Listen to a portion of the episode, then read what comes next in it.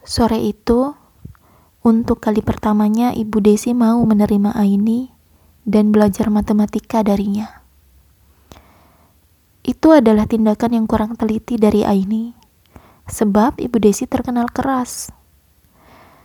Murid-murid lain cenderung menghindarinya. Aini malah mendekati kobaran api. Jadilah Aini dimarah-marahi Ibu Desi habis-habisan karena tak becus menghitung sederhana sekalipun. Jangan ke sini lagi kau Aini. Lelah aku mengajarimu. Kau tak paham-paham. Naik tensiku gara-gara kau.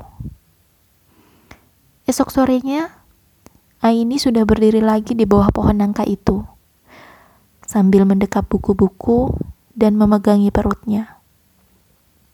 Ibu Desi marah-marah, tetapi membukakannya pintu. Mereka belajar matematika lagi, dan tensi Bu Desi naik lagi.